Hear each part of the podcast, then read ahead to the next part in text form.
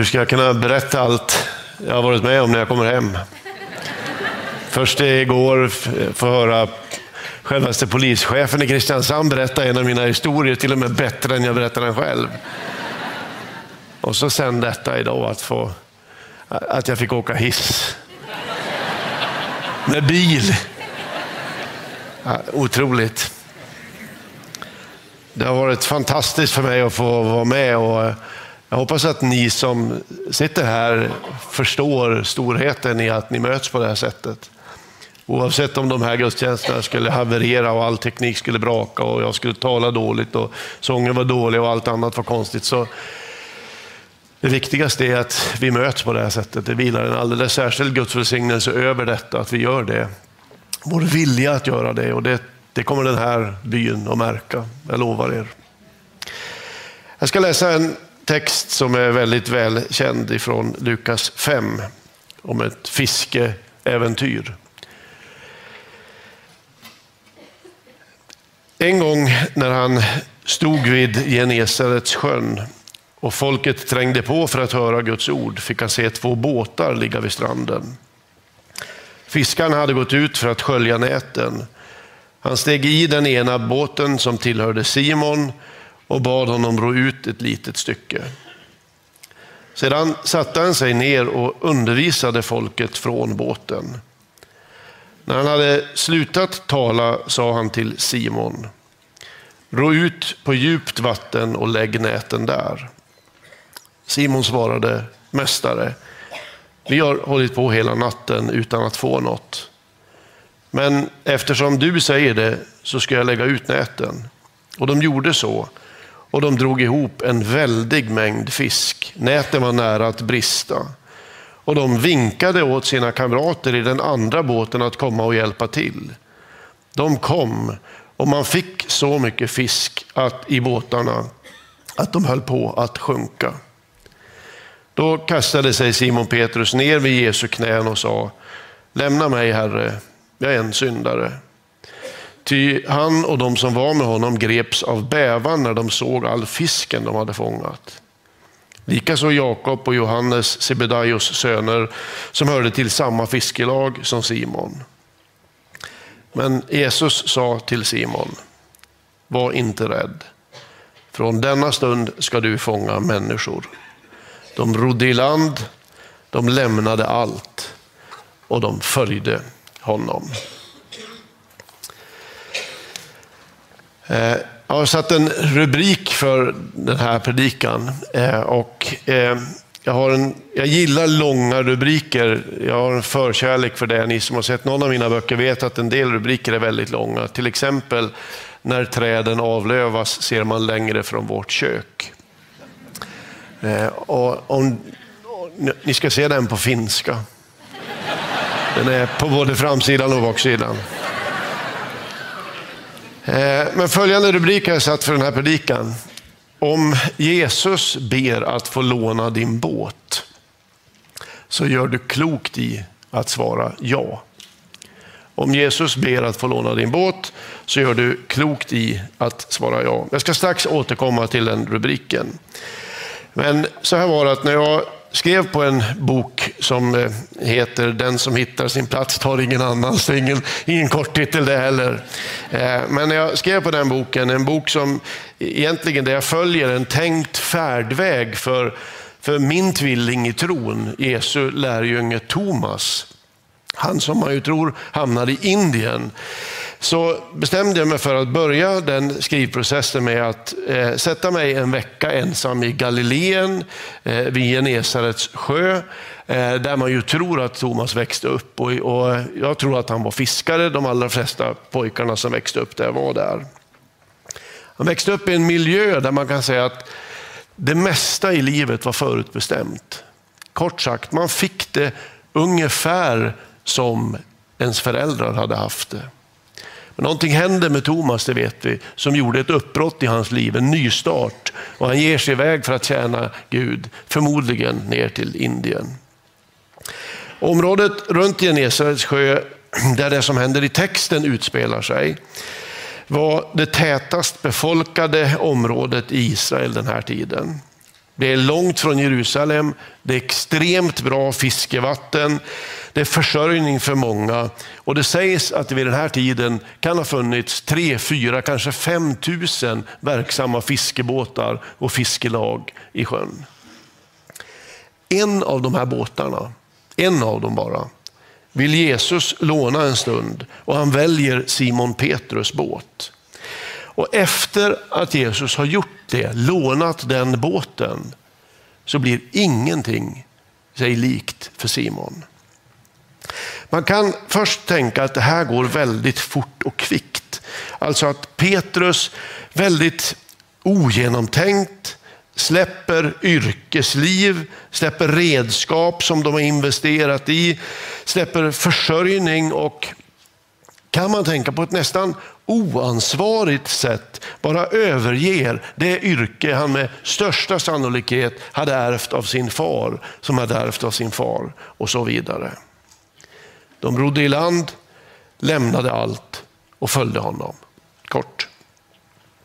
Men allt talar om att det här inte är det första mötet mellan Jesus och Petrus. Jag tror i alla fall inte det. Eh, för om det är som de flesta bibelkommentatorer tror, så, eh, så finns det möte som Johannes skildrar före, en tid före den här händelsen. Det här är strax efter Jesu dop och så står det så här. Det var sent på eftermiddagen. Andreas, Simon Petrus bror, var en av de två som hade hört Johannes ord och följt med Jesus. Han träffade först sin bror Simon och sa till honom, vi har funnit Messias, det betyder Kristus. Han tog med honom till Jesus. Jesus såg på Simon och sa, du är Simon, Johannes son. Ja, du ska heta Kefas, som betyder Klipp-Peter, Petrus eller Klippan. Och så har jag tänkt för den här kvällen att de där sista raderna i det mötet är alldeles avgörande för vad som sker i det här stora fiskeäventyret. Tydligen såg Jesus någonting i Simon som fick honom att säga, du är Simon, men du ska kallas Petrus, klippan eller klippblocket. Som om han säger, det finns något mer i dig Simon. Inuti dig finns en Petrus eller Simon som ännu inte liksom har slagit ut. Du är mer än vad du hittills har blivit och därför ska du kallas Petrus. Det är som om Jesus namnger den Petrus han nu ska bli, den han egentligen är. Och så märker en sak och det är hur tydligt Jesus tilltalar styrkorna i Simon Petrus. Det är klart att Jesus såg eller visste om hans svagheter. Han som såg allt som fanns i människan. Men han definierar inte Petrus med svagheterna utan han definierar honom med hans styrkor, hans tillgångar. Jag ser något klippfast i dig, dig tycks han säga. Jag ser någonting och på det ska vi satsa och bygga. För ett par år sedan gick jag en utbildning på institutet Gallup i London. Eh, det finns ett redskap som de arbetar med som heter Strength Finder som handlar precis om detta. Att identifiera och satsa på våra styrkor och egentligen faktiskt att öva oss i att bli så ointresserade vi bara kan för våra svagheter. Så att de blir uttråkade och liksom krymper. Ungefär så. På väggen till deras kontor där den här kursen var, på 18 våningen i den helt futuristiska skyskrapan som heter The Shard. Där hänger ett, ett, en slags slogan på väggen när man kommer in.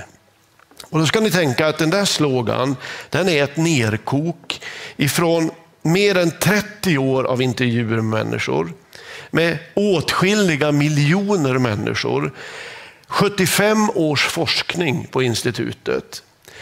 Och så står det på väggen den här meningen som ju är förskoleenkel skulle jag säga. What would happen if we studied what is right with people instead of what is wrong with them. Slutcitat.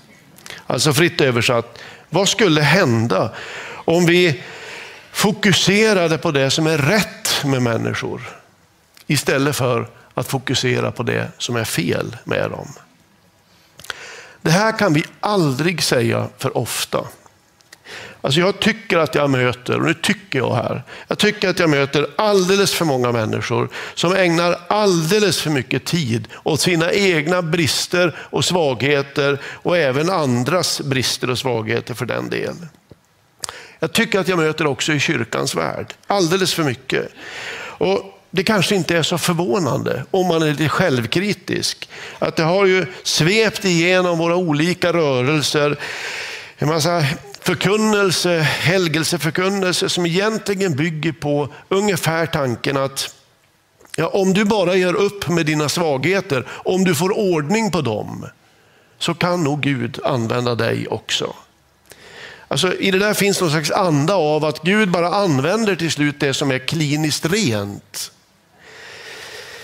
Men det finns en annan och mer verkningsfull sida av det vi kallar helgelse eller heliggörande.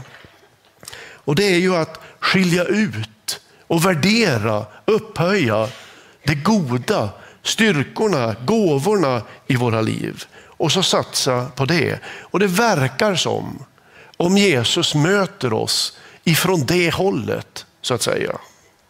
Han tar oss liksom i befintligt, ovårdat skick och så sätter han ljus på våra gåvor. Och när det händer så händer också någonting med våra brister. Vi blir mindre upptagna av den. Det är som om de liksom tråkar ut sig själva. Du är Petrus, klippblocket. Ta med den tanken.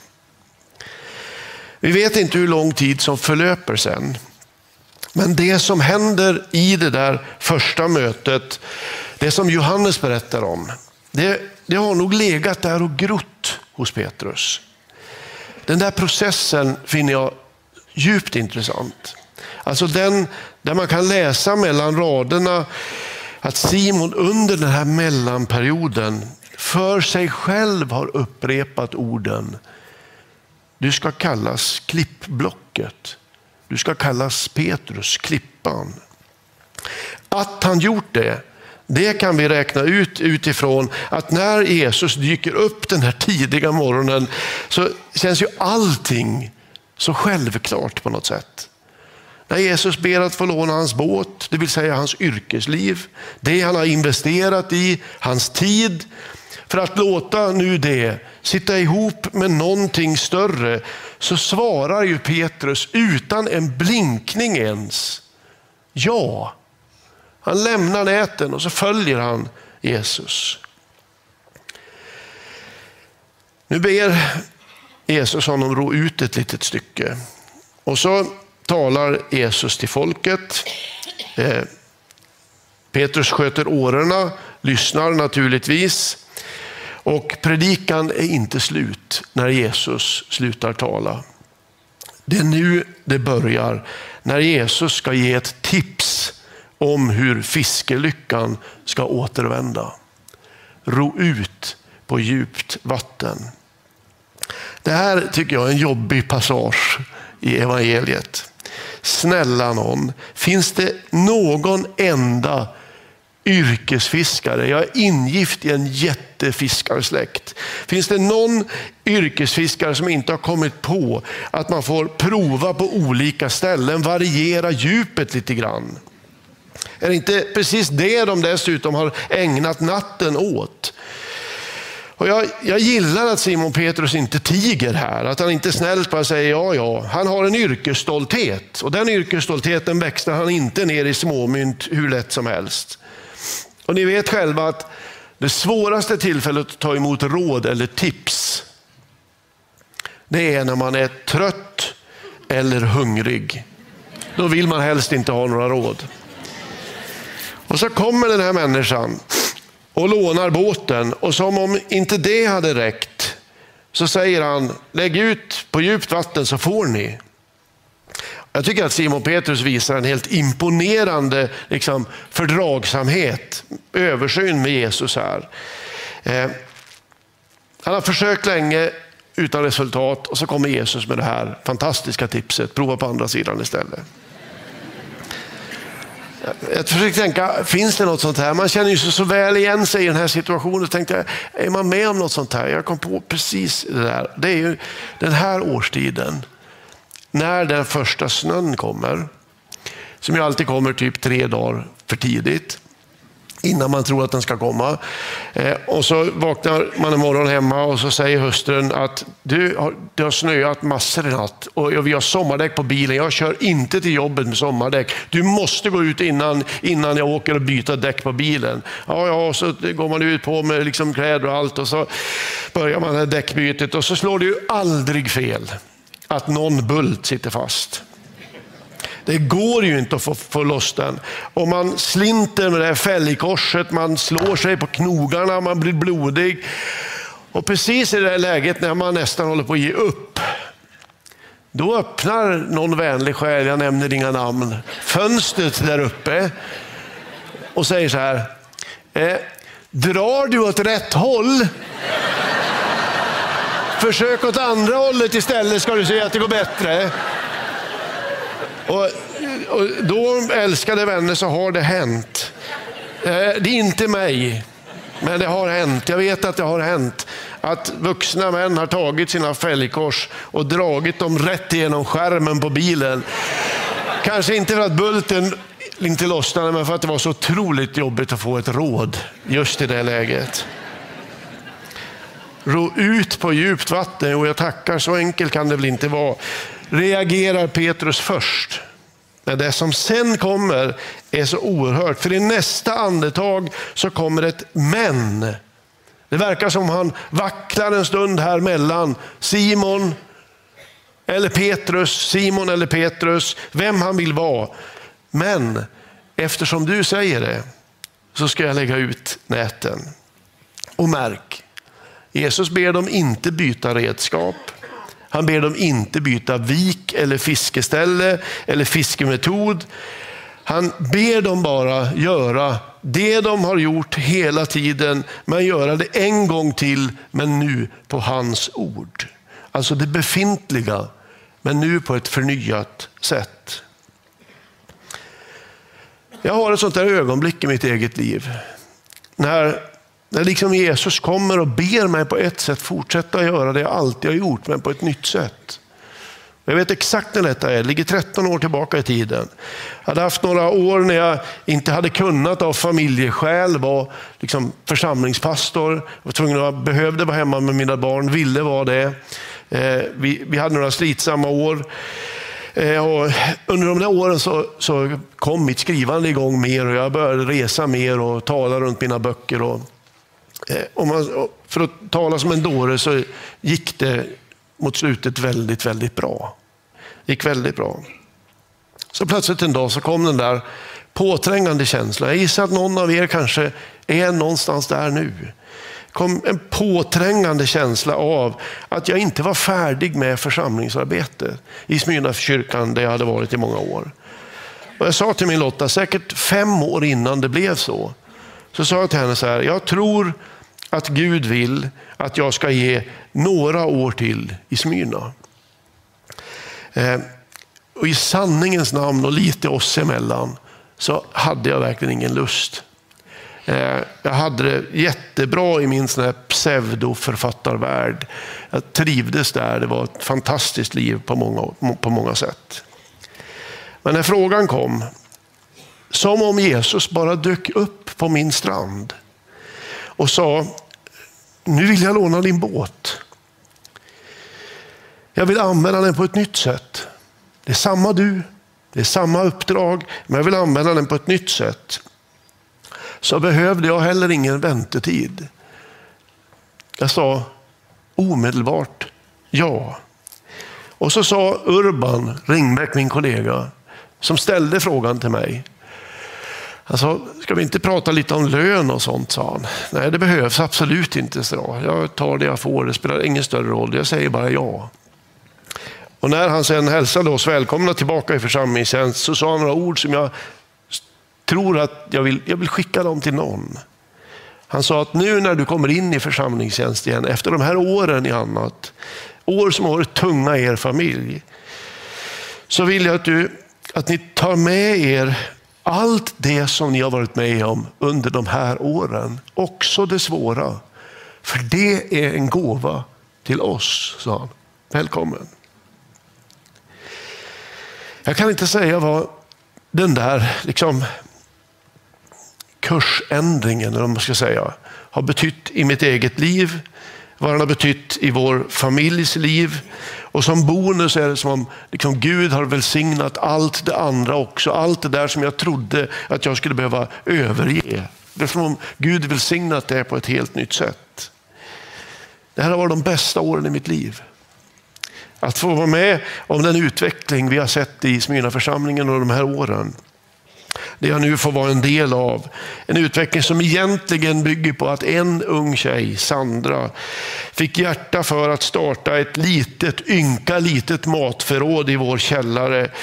Som blev ett arbete som med åren har vuxit till det som idag är kanske vårt största arbete ut mot staden Göteborg. Vi har gått ifrån en kyrka som var i stort sett tom på dagtid veckorna igenom, fylldes lite på helgerna, till att vara en kyrka där det varje dag veckan igenom vimlar av människor. Vi har sett det som skapat en kontakt med vår stad och en respekt för vår stad som vi aldrig ens kunde drömma om. Vi har sett en jättestab av volontärer växa fram. Många av dem har ingen annan koppling till vår församling när de kommer än att de vill vara med och göra nytta i vår stad och att de tycker det här arbetet är bra. Men det, det är svårt att vara länge i det arbetet utan att möta Gud. Det är nästan omöjligt skulle jag säga. Jag vet inte hur många som den här vägen har hittat en tro, blivit en del av vår församling och som har fått ett helt nytt och förvandlat liv. Och inte minst, det som har hänt har förändrat atmosfären i hela vår församling. Eller som någon som kom tillbaka hade varit utomlands några år i annan tjänst sa, det luktar annorlunda i kyrkan nu för tiden. Men märk, allt sammans börjar med en enda tjej Sandra. Jag vet inte vad det här rör i ditt liv. Men en sak vet jag och det är min hälsning till dig. Och det är att om Jesus ber att få låna din båt så gör du klokt i att svara ja. Om han gör det. För det som händer sen, nu, nu svänger det i den här texten. Eh, det drar igång ett fiskeäventyr som väl ingen av dessa fiskare någonsin ska glömma. Det är fisk överallt, redskapen håller på att brista och mitt i detta tumult står Jesus och så ser han på Simon Petrus en gång till och så säger han, var inte rädd. Hädan efter ska du fånga människor. Och jag gillar att verbet där, fånga, det är i grundtexten ordet poeio som är släkt med vårt ord poesi, alltså dikt. Någonting som ju för tanken till konstnärlighet. Alltså att sättet att gestalta sitt liv och sin kallelse är inte på förhand mallat eller bestämt. Det finns ingen form som du ska fylla ut. Det här är poesi. Det som föds i mötet mellan dig och Jesus är alldeles unikt. Det kan bara ske mellan er. Och det sättet att tjäna honom som blir ditt sätt, det kan bara du utföra. Det skapas i mötet mellan Jesus och den som är du. Ditt liv, dina förutsättningar och igen det där som Urban sa. Allt det som du har gått igenom i ditt liv. Allt det är liksom grunden för ditt bidrag när du tjänar Gud. Att följa Jesus är djupast sett att bli sig själv. Det är därför den där boken heter Den som hittar sin plats tar ingen annans. Där jag upptäckt att sanningen är ju den motsatta. Den som hittar sin plats tar ingen annans. Det är större än så. Den som hittar sin plats skapar utrymme för andra att också göra det. Därför att det finns inget så energigivande som människor som gör det de ska, som gör det de brinner för. Det är en stor gåva till alla oss andra. Det skapas en energi där, en kraft där som vi behöver mycket, mycket mer av. Det är som om Petrus den här morgonen får en bild av Jesus.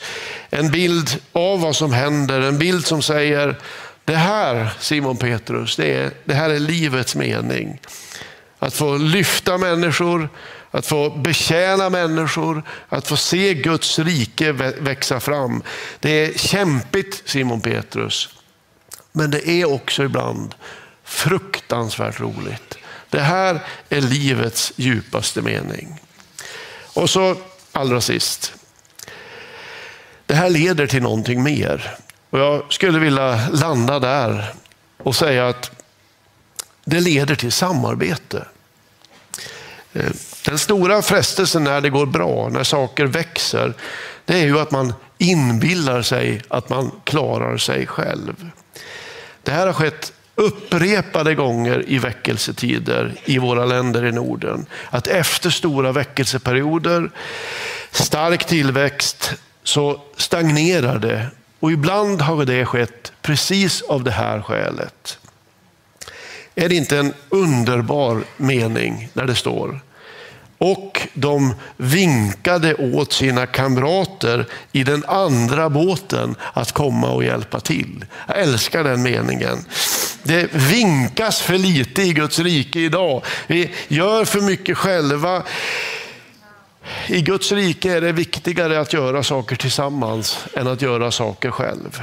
Havet är för stort för att vara kvar i bilden för någon enda av oss. Och här tror jag att vi har en nyckel. En nyckel som vi ännu inte har brukat fullt ut.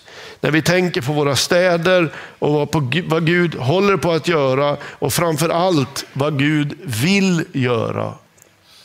Och Den nyckeln heter samarbeta med alla goda krafter i ert samhälle. Vi kanske klarar oss själva som det är nu. Men om Guds dröm för Kristiansand får slå in, om den ska kunna förverkligas, då måste vi vinka mycket mer till varandra, till kamraterna i de andra båtarna och säga kom och hjälp oss. Och därför är ju det här, som jag börjar med att säga, det här fällesmötena som ni har, så oändligt viktiga. Det här är en vinkning när vi säger kom, vi gör det här ihop. Och där någonstans blir också det här uppdraget så oändligt mycket roligare. Ja, roligare på svenska alltså. Kul, kul eller göj. Vad heter han? Göjere. Ja, jag har en, jag har en eh, sån eh, sufflör där nere. Om Jesus ber att få låna din båt så gör du klokt i att svara ja. Känner ni att det finns något väldigt avspänt i det? Du behöver inte slå dig fram. Du behöver inte söka någon position. Det är Jesus som rör sig. Det är han som är ute och söker. Det enda du kallas att göra, det är att ställa din båt under dina förutsättningar till Jesu förfogande. Sen vet ingen människa vad som händer. Och det är ju det som gör mötet med Jesus, livet med Jesus så oändligt spännande. Vi ber.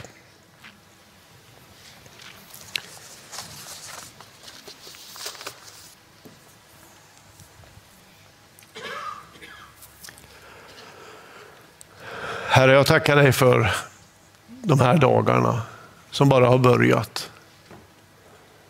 Jag tackar dig för att den här välsignelsevågen bara ska stiga.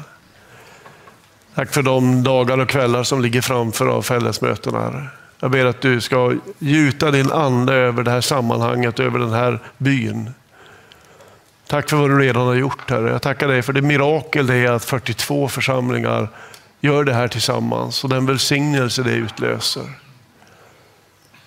Herre, nu ber jag dig också alldeles särskilt för den som bär en djup längtan att, att få låna ut sin båt till dig. Sina gåvor, sina talanger, sin tid, sitt intresse. Herre, jag ber att det mötet skulle få ske för någon ikväll. Någon som får säga ja på ett nytt sätt. Och få ge sig ut på äventyr med dig, Herre. Om det ber jag i Jesu namn. Amen.